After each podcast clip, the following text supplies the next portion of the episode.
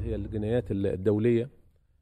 الحقيقة كان في قضية أخرى في رفعت في في لندن ورفعت ضد السيسي وعدد آخر من المتهمين أيضا. وبعد خدت وقتها المحكمة حكمت إنه السيسي يعني عنده حصانة باعتباره يعني رئيس قدام هذه المحكمة. لكن كمان المحكمة دي فتحت الباب لمحاكمة من بعده. بس يشترط إنه عشان تتم المحاكمة إنه يكون موجود على الأرض البريطانية علشان تبدأ إجراءات آه، تحريك الدعوة الجنائية ضده يعني. طبعا هم كلهم ما بقوش يروحوا لندن بعد كده. واللي راح منهم آه، كان آه، كان في حد راح. محمود حجازي. نعم؟ محمود حجازي. محمود حجازي. عملوا له حصانة. فورا الحكومة البريطانية عملت له حصانة خاصة في خلال فترة في المهلة الزيارة بتاعته. وكان في بعضهم أيضا كان منير فخري عبد النور كان وزير أظن سياحه أو استثمار وكان حد تاني سافر إحدى الدول. ومجرد ما وصل بدأت الإجراءات تتحرك ضده فورا آه، يعني انظروهم نبهوهم إنهم يمشوا فورا ورجعوا فعلا على مصر بشكل سريع. وأنا بتذكر إنه آه، في 2015 يناير 2015 آه، أنا شخصيا كنت في باريس وكان مع بعض الإخوة المصريين الآخرين يعني في ذكرى يناير 25 يناير. وكان وقتها النائب العام اللي هو اللي مات عبد هشام بركات كان رايح فرنسا كانوا عملوا صفقة الرافال وطبعا رايح على حس الرافال عايز ياخد يعني آه، شوية امتيازات أخرى. كان من ضمنها فكرة القنوات ويعني عايز يعني يسقط القنوات من على القمر الأوروبي. يعني باعتبار إن فرنسا آه، عندهم يعني قصدك القنوات الفضائية. القنوات الفضائية على المعارضه نعم. وأشياء أخرى طبعا.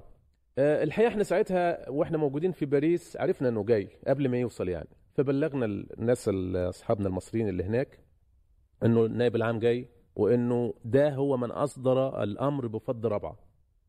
وحتى جبنا لهم ساعتها قرار النيابة قرار النيابة بفض الاعتصام وقلنا لهم إن اذا هو مسؤول عن هذه الدماء واحد من المسؤولين وبالفعل جهزوا بلاغ ضده وقتها.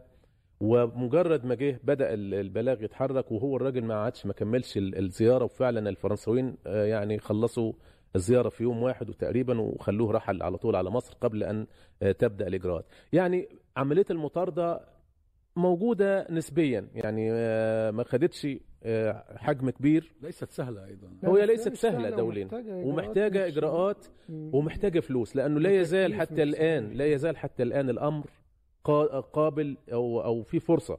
لمحاكمة القتلة ولمحاكمة اللي بيمارسوا التعذيب لأنه في بعض القضايا الدول الأوروبية عندها المحاكم بتاعتها تسمح بمحاكمة المتهمين بالتعذيب حتى لو لم يقع التعذيب على أراضيها ومنها فرنسا بس. لكن الإشكالية الكبيرة هي بتواجه في التكاليف المالية من ناحية والناس اللي هترفع هذه القضايا لأنه لازم يكونوا ناس أصحاب اختصاص أو أصحاب صلة آه، حقيقية بالصاحب صاحب مصلحة. في نموذج عمله محمد سلطان آه لتفادي قصة التكييف القانوني السليم للحالة. فاستغل وجود الجنسية الأمريكية عنده وإن آه. هو مقيم على الأراضي الأمريكية وكان حازم البلاوي موجود في أمريكا بصفته ممثل مصر في في الشرق الأوسط أظن في صندوق النقد الدولي. ورفع عليه قضية بصفته آه، مسؤول مباشر عن آه، آه، يعني تهديد حياته بالقتل في مدربة العدوية بإجراءات الفض وقرار الفض اللي صدر في في هذا الوقت يعني. وأخذ خطوات جيدة فعلا في هذا الاتجاه واللي فعلا تم إنذار حازم ببلاوي والقضية خدت مراحل متقدمة والسلطات المصرية اتدخلت في هذه الحالة ومنحت حازم ببلاوي حصانة أيوة. عشان لا يمثل امام القضاء. القضاء الأمريكي في هذه القضية يعني. وبعد كده حتى حازم ببلاوي يعني في تواطؤ دولي يعني في مسألة المحاكمات لكن يعني هو, هو هو فكرة ال ال المحاكمة القضائية في الخارج أظنها يعني فيها صعوبات كثيرة. وغير ممكنة هو بيدخل عمليا في الحالة المصرية. بيدخل عليها الفعل السياسي. الفعل السياسي نعم. يعني أنا قبل فترة آه، قرأت مقالا آه، بيتحدث عن يعني بيحاول يفسر ويفهم لماذا مصر تشتري كل هذا السلاح من أوروبا الغربية. من بريطانيا ومن فرنسا ومن إيطاليا ومن إسبانيا. ألمانيا. اتضح بالآخر انه كل هذه عملية آه، رشاوى رشاوى سياسية. يعني هو يرشي بها النظم الغربية حتى تؤمنه وتساعد في ضمان آه، وجوده واستمراره. ولذلك هي المسألة مسألة وقت. يعني طال طال الزمن أو قصر مسألة الدماء مسألة ليست سهلة. يعني وإن لم يحاكمه الخارج فسيحاكمه الداخل. فقط تتغير البيئة السياسية. وهذه قضايا لا تسقط بالتقادم لا تسقط بالتقادم ولا آه. يمكن حتى لأهالي ال- القتلى ويعني الشهداء والمص... أن ينسوا هذا الأمر. لا يمكن. يعني إحنا حتى عندنا في مصر مسألة الدم آه، حتى لو طال الزمن حتى الأبناء بيأتوا ويطالبوا بصقر آبائهم. فما بالك بهذه ال- الوحشية وهذا القتل الذي تم دون جريرة غير في- أن الناس في لهم تونس آه، يعني ناس يعني لهم آه، قضية وطنية ويعني جاءت عقب ثورة تنادي بالحريات والتحول الديمقراطي. فهذا الأمر ليس لم ينتهي بعد. هناك تواطؤ أصلا من الغرب مع ال- مع النظام في هذه المذبحة. يعني لو رأينا الاتحاد الأوروبي بعد آه، أسبوعين من ال- من الفض علق تص- تصدير الأسلحة التي تستخدم في القمع للنظام المصري. بعدها بسنوات فرنسا آه، كانت تصدر أجهزة التنصت وأجهزة آه، مكافحة الشغب كانت تصدرها لل- للنظام المصري. آه، هذه الأسلحة يعني لو أنا أحكي لحضراتكم إن أنا حضرت بصفتي محامي في مصر في محافظة السويس حضرت تشريح 32 جثة يوم آه، 14 8 يوم 16 8 يعني إحنا دفناهم يوم 15 يوم 16 8 آه، حضرت تشريح 22 جثة منهم أربع جثث جاية من من رابعة. آه، آه، أحد الأطباء ال- آه، في تشريح الجثة يعني أنا رأيته يعني عمال يعني يبحث في في أحشاء ال- ال- ال- ال- الشهداء والمتوفين بيد يبحث عن شيء. فبقول له يعني يعني ده ميت أنت عمال تفعص في في أحشائه يعني. قال ال- ال- الرصاصة لها مدخل يعني ليها مكان للدخول. المفروض يكون لها مكان للخروج ملهاش مكان خروج الرصاصة انفجرت جوه جسمه بيدور على ال ال ال بقاياها الشظايا مم. اللي جوه الجسم بيدور عليها فين يلاقي حتة في الكلى ويلاقي حتة في الكبد ويلاقي حتة ال- الرصاصة لها مدخل وليس لها مخرج فهذا يعني الرصاص انفجر داخل داخل جسم الإنسان لا يقصد به فض اعتصام لا يقصد به إهلاك يقصد به قتل. قتل, مم. على فكرة ب- بمناسبة ذكرك للموقف الأوروبي من فض رابعة ومن المذبحة آه، أنا أظن آه، والله أعلم آه، أن الحلفاء الدكتاتورية في العالم العربي آه، يحرجهم مثل هذه المذابح. آه، بالأغلب هم وافقوا على الانقلاب وهناك ما يشير إلى أنهم بلغوا. آه، طبعا بلغهم السعوديون والإماراتيون وبلغهم الجيش في مصر خاصة الأمريكان. أظن أن البريطانيين حسب معلوماتي بلغوا فقط قبل عشر أيام أو أسبوعين لأنهم كانوا بيعدوا لاستقبال الدكتور محمد مرسي كان من المفروض أن يأتي في رمضان ليزور بريطانيا. آه، ثم آه، بدأت إعادة حسابات لأن معلومة جاءتهم بأن الأمور ستتغير. آه، فهم مع وقف المسيرة الديمقراطية لأنها لا تخدمهم. وربما أعطوا الضوء الأخضر للانقلاب عندما قيل لهم أنه لابد من هذا التحرك. ولكن ما كانوا يرغبون وأحرجهم أن يحصل مثل هذا القتل الوحشي وخاصة أنه شوهد في أنحاء العالم. وهم يدعون طبعا أن الديمقراطية وحقوق الإنسان هذا لا يناسبهم. آه، عملاء الغرب أو أو النظم الدكتاتورية في العالم الثالث آه، كثيرا ما تحرج من تعمل وكيلا لديه بسبب آه، هذا النوع من التوحش. هو يعني ال- الغرب كمان علشان الصورة تكون كاملة الحقيقة ليس شيئا واحدا زي ما حضرتك عارف يعني. المستوى الحكومات الحكومات فعلا هي التي توا- تواطأت مع ال- مع طبعاً- الانقلاب طبعاً. ثم تواطأت بعد ذلك مع جريمة ال- الفض وجريمة القتل وال- والبشاعة اللي إحنا شفناها. عشان الحسابات السياسية وعلشان الصفقات اللي هياخدوها لاحقا من هذا النظام لكن على مستوى المجتمع ليس المدني فقط من هذا النظام آه. هم هم عاوزين يرضوا السعودية والإمارات أيضا طبعا لأن مصالحهم. مع السعودية والإمارات بالضبط لديهم مصالح. مع الدول آه. الأخرى لكن على مستوى المجتمع المدني في الغرب الحقيقة يعني نستطيع أن نقول إنه لا كان في جزء كبير من المجتمع المدني رافض لهذه ال- الإجراءات بدليل إن إحنا التقرير اللي إحنا كلنا بنستند إليه حتى الآن هو تقرير هيومن رايتس ووتش وتقارير امنستي انترناشونال ودي منظمات حقوقية غربية هي اللي قدمت لنا هذه الوثيقة وثيقة الاتهام الم- لا لا كلامك الموثقة. 100% صحيح نعم. أنا كنت أتكلم عن عن الحكومات على مستوى الحكومات ولا, نعم. وإلا إحنا كيف في أيام الثورات العربية التي بدأت في تونس ثم انطلقت إلى مصر وإلى غيرها من الدول العربية شعوب أوروبا لأول مرة تتكلم عن الإنسان العربي بلغة فيها نوع من التكريم نوع ده صحيح. يعني يعني ولا ولا وفي بعض العواصم أقاموا نماذج لميدان لميدان التحرير. التحرير. نعم نعم. وحتى في أمريكا لو تذكر يعني اللي هو وول ستريت يعني اللي هم يعني عملوها على طريقه ميدان التحرير. بس أنا كنت عايز أقول آخر حاجة إنه فكرة المحاكمات إنها لا تزال قائمة. يعني لم تنتهي قضية ال- المحاسبة.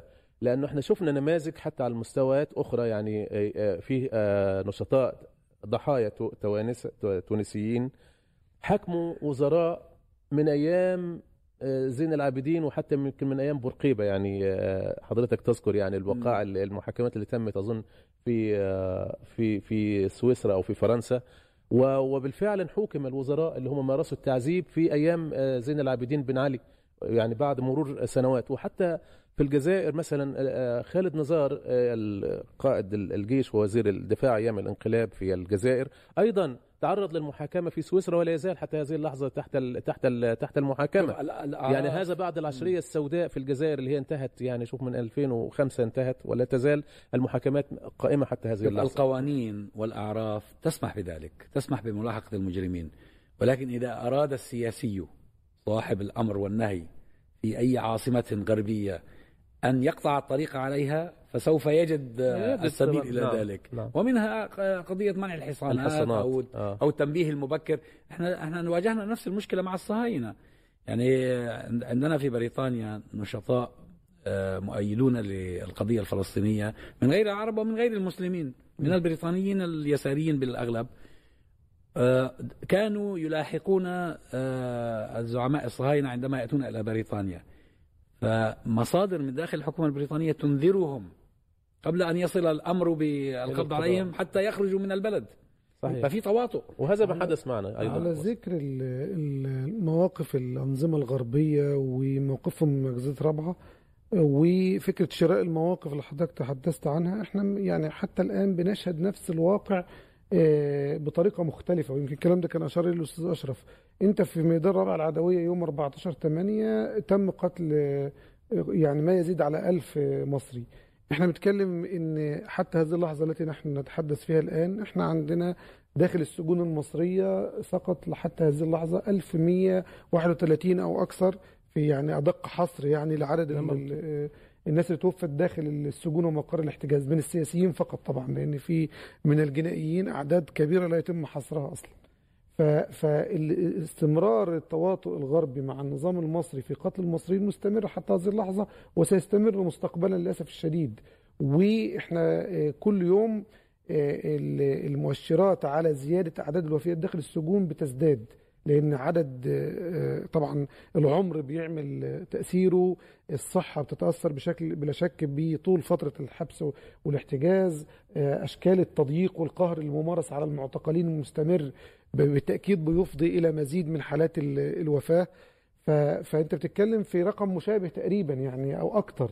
إحنا دلوقتي الرقم دخل بشكل اكبر غير دول غير اللي تم تنفيذ احكام الاعدام فيهم من المعتقلين أيضا. لو ضفنا لهم تم من تم تنفيذ احكام الاعدام نتكلم فوق ال 100 شخص. 105 آه 105 شخص تم تنفيذ احكام الاعدام فيهم فاحنا بنتكلم في رقم كبير جدا 1200 وشوية.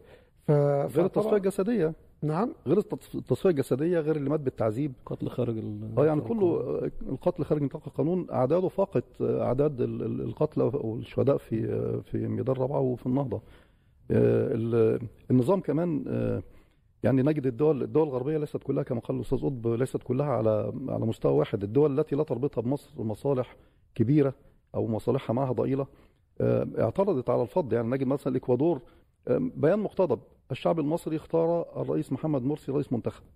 ده ده الرد على على رابعة. آه، ال- الدنمارك مثلا قالت هناك مشروعان آه، مشروعان يربطان بين مصر والدنمارك. تم تعليقهم.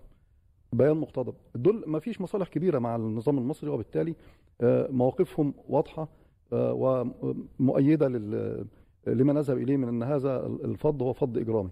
آه، أما بقية الدول التي تربطها علاقات قوية أو لها مصالح قوية مع مع النظام المصري أو لا يرغبوا في استمرار الإخوان في الحكم هؤلاء يعني لا يجدوا غضاضة أن يكون عندهم حالة فصام سياسي. يدعو إلى الديمقراطية ويدعو إلى آه، حماية حقوق الإنسان والحفاظ عليها وفي نفس الوقت يكون هذا الأمر خاص بشعوبه. أما شعوب آه، الشعوب العربية أو أو الشعب المصري على وجه الخصوص الذي آه، قتل في ربعة فلا يجد غضاضة أن آه، يعني آه، آه، يدين فقط ثم بعد ذلك يمارس حياته عادي مع النظام يقبله ويدخل معه في تعاملات ويدخل معه في آه، مصالح. فالنظام السياسي في الغرب آه، يعتبر شريك في آه، المذابح ربعة وما تلاها لأنه كان قادر على أن يمنع هذا النظام من الاستمرار في المذابح التي تستمر إلى إلى هذا اليوم. فكل دم من ربعة حتى الآن وفيما هو قادم آه، يشارك في النظام الغربي بتواطؤه مع هذا النظام المصري الذي لا يتوانى عن قتل المصريين.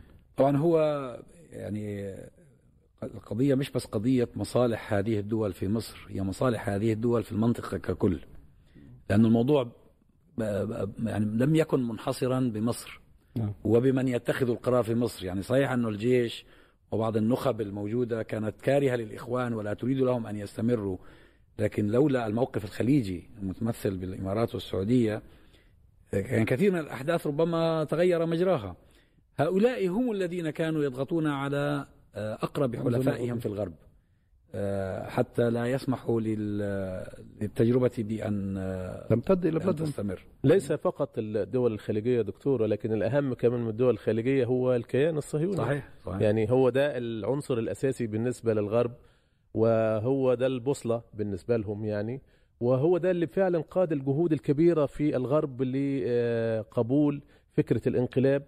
وإحنا إحنا عندنا ال- الاعلامي توفيق عكاشة لما يعني كان كان طلع وصرح مرة وقال إن أنا يعني بيستشيروني في استشاروه في الجيش يعني أو المخابرات أو حاجة زي كده يعني نعمل إيه؟ فقال لهم عليكم بإسرائيل هي إسرائيل اللي هتخلص لكم الموضوع.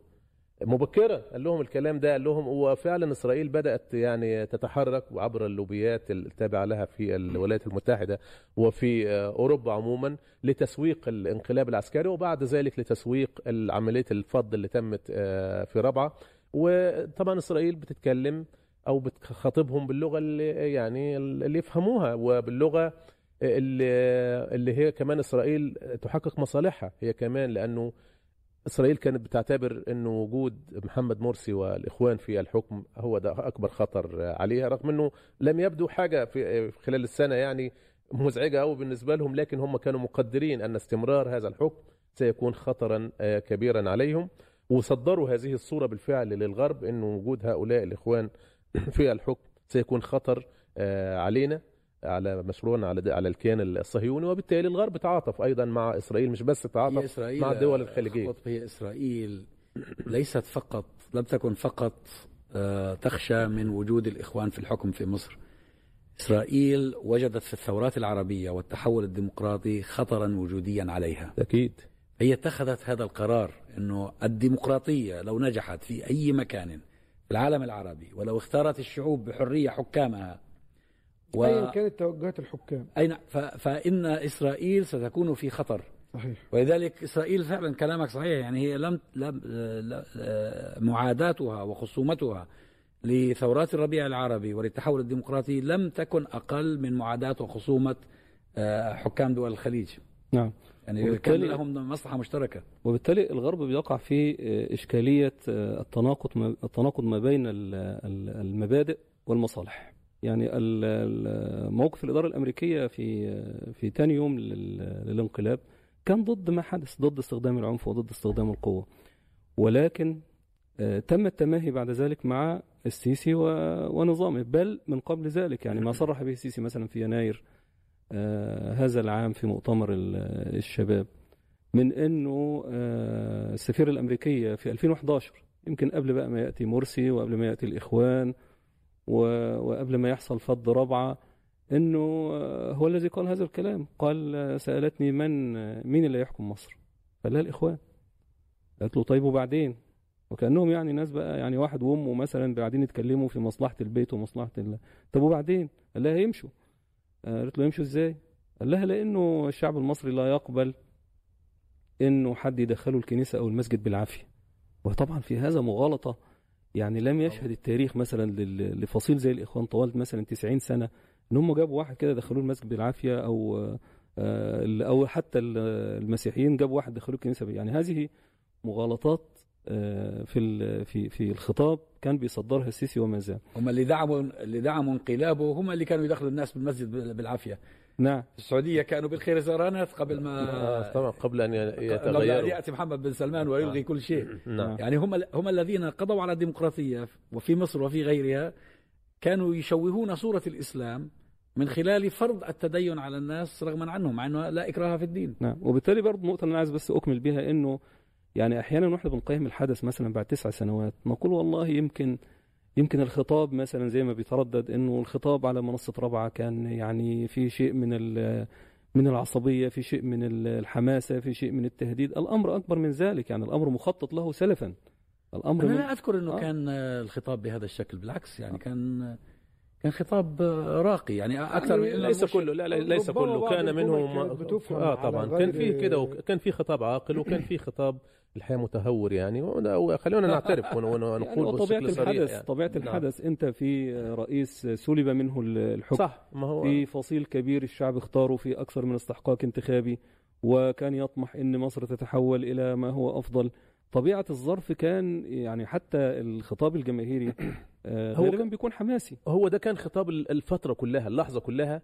كان كده يعني حتى على المستوى الآخر طبعا اللي كان بيشير إليه الأستاذ مسعد خطاب الخطاب النظام. يعني خطاب أنتوا شعب وإحنا شعب ما هو كان يعني أكيد هيقابلوا في الطرف الآخر خطاب أو بعض الخطابات اللي هي يعني آه متهورة أو يعني لو كان. الخطاب رقيق كان ما ما كانوش هيعملوا اللي لا لا لا كان. هيحصل كان هيحصل بس إطلاقاً. إحنا بنتكلم يعني من باب النقد الذاتي لنا لانفسنا و- وأي طرف ثاني من ينتقد باب نفسه النقد الذاتي برضه آه، فكرة إن إحنا بعد تسع سنوات بنتكلم عن حدث كبير زي حدث رابعة في آه، ذكرى رابعة. آه، وده مشكلة كبيرة جدا. مجزرة بمثل هذا الحجم وحدث كبير فارق في تاريخ مصر الحديث بهذا الشكل كان ينبغي أن يتم التعامل معه بصورة مختلفة. يعني مش فكرة الذكرى كل سنة نجتمع ونتحدث عنها في يوم 14 8 أو قبلها بشوية أو بعدها بشوية. كانت رابعة تستحق أن يكون في آه، يعني مؤسسات وجهات وهيئات قائمة بهذا الموضوع طوال الوقت منذ اللحظة الأولى وحتى هذه اللحظة. أنت عشان تحيي ذكرى رابعة أو أن أنت تخلي رابعة آه، يعني أو شهداء رابعة على الأقل ينالوا جزء من حقهم كان ينبغي إنك أنت هتتحرك على المستوى الإعلامي والمستوى السياسي والمستوى ال- القانوني والمستوى الجماهيري. لو حتى المستوى القانوني اللي بنتكلم عنه في مشكلات آه، خاصة بالإجراءات والتكييف القانوني وما شابه ذلك لكن انت عندك المساحات الاخرى مفتوحة. إحنا حتى هذه اللحظة لا يوجد لدينا منصة اعلامية بتتحدث باسم ربعة ولا بتز... ولا في جهود طبعا بذلت. بعضها فردي بعضها جماعي على مستوى عدد محدود من الأفراد لكن لم يعني ينتج هذا مؤسسة كبيرة آه، أو منصة كبيرة إعلامية. كذلك على المستوى الجماهيري تم حركة في البداية في بعض السنوات الأولى آه، في العالم والاخر لكن هذه الحركة لم تمتد ولم تستمر. حتى الآن. يعني كان يجب أن يكون في مجموعات آه، هذه المجموعات ليها كيان بيضمها وبيشرف وبينظم حركتها وبتقوم بدور مستمر طوال الوقت على مستوى العالم كله. النهارده في الدولة الفلانية بعدها بيلتقوا مسؤولين آه، بالشكل الفلاني نشطاء. حقوقيين نشطاء قانونيين ايا كان. فالحركه بمثل هذا الشكل المستمر تجعل هذا الأمر الكبير جدا مستمر وقائم. و آه، آه، يعني وده أمر شكل من أشكال المقاومة اللي ينبغي إن إحنا نقوم به صحيح حصلت أحداث كثيرة جدا خلال الفترة اللي فاتت أثرت على ده لكن كان ينبغي تجنيب آه، حدث كبير ودماء هؤلاء الشهداء اللي سقطوا في الرابعة العدوية. أي خلافات أو أي سجالات أو أي توترات وكان يستم... يعني تكون في هذه المؤسسات والمنظمات قائمة حتى يعني لا نكون كل سنة يعني أنا عايز هي اضيف بس حتة. صغيرة بعد إذنك يا أستاذ يحيى للكلام اللي قاله الأخ مسعد وأيضا في إطار إحنا يعني النقد الذاتي يعني أيضا إنه إحنا لغاية دلوقتي للأسف الشديد ليس لدينا سجل كامل موثق لشهداء ربعة. يعني حتى الآن إحنا العدد في خلاف. العدد نفسه في خلاف حتى الآن. يعني هم 1000 هم 2000 هم 1500 هم 3000 ايا كان يعني إحنا طبعا لو حتى لو واحد بس يعني في النهاية دي جريمة يعني لكن الشاهد إن إحنا الحقيقة أيضا ودي دي خطأ حاصل عندنا إنه آه، عند مش يعني مش عند كل الناس اللي هي أقصد اللي هي آه، تنتمي إلى هذا المعسكر يعني الرافض لل- للانقلاب. إنه إحنا لم نصدر توثيق مفصل محدد. لشهداء رابعه حتى الآن محدد لا هو صدر, صدر في أكثر في من في طبعا في آه، في حاجات يعني كتير في اجتهادات آه. كتير حصلت لكن مش و ولكنها. ليست كاملة.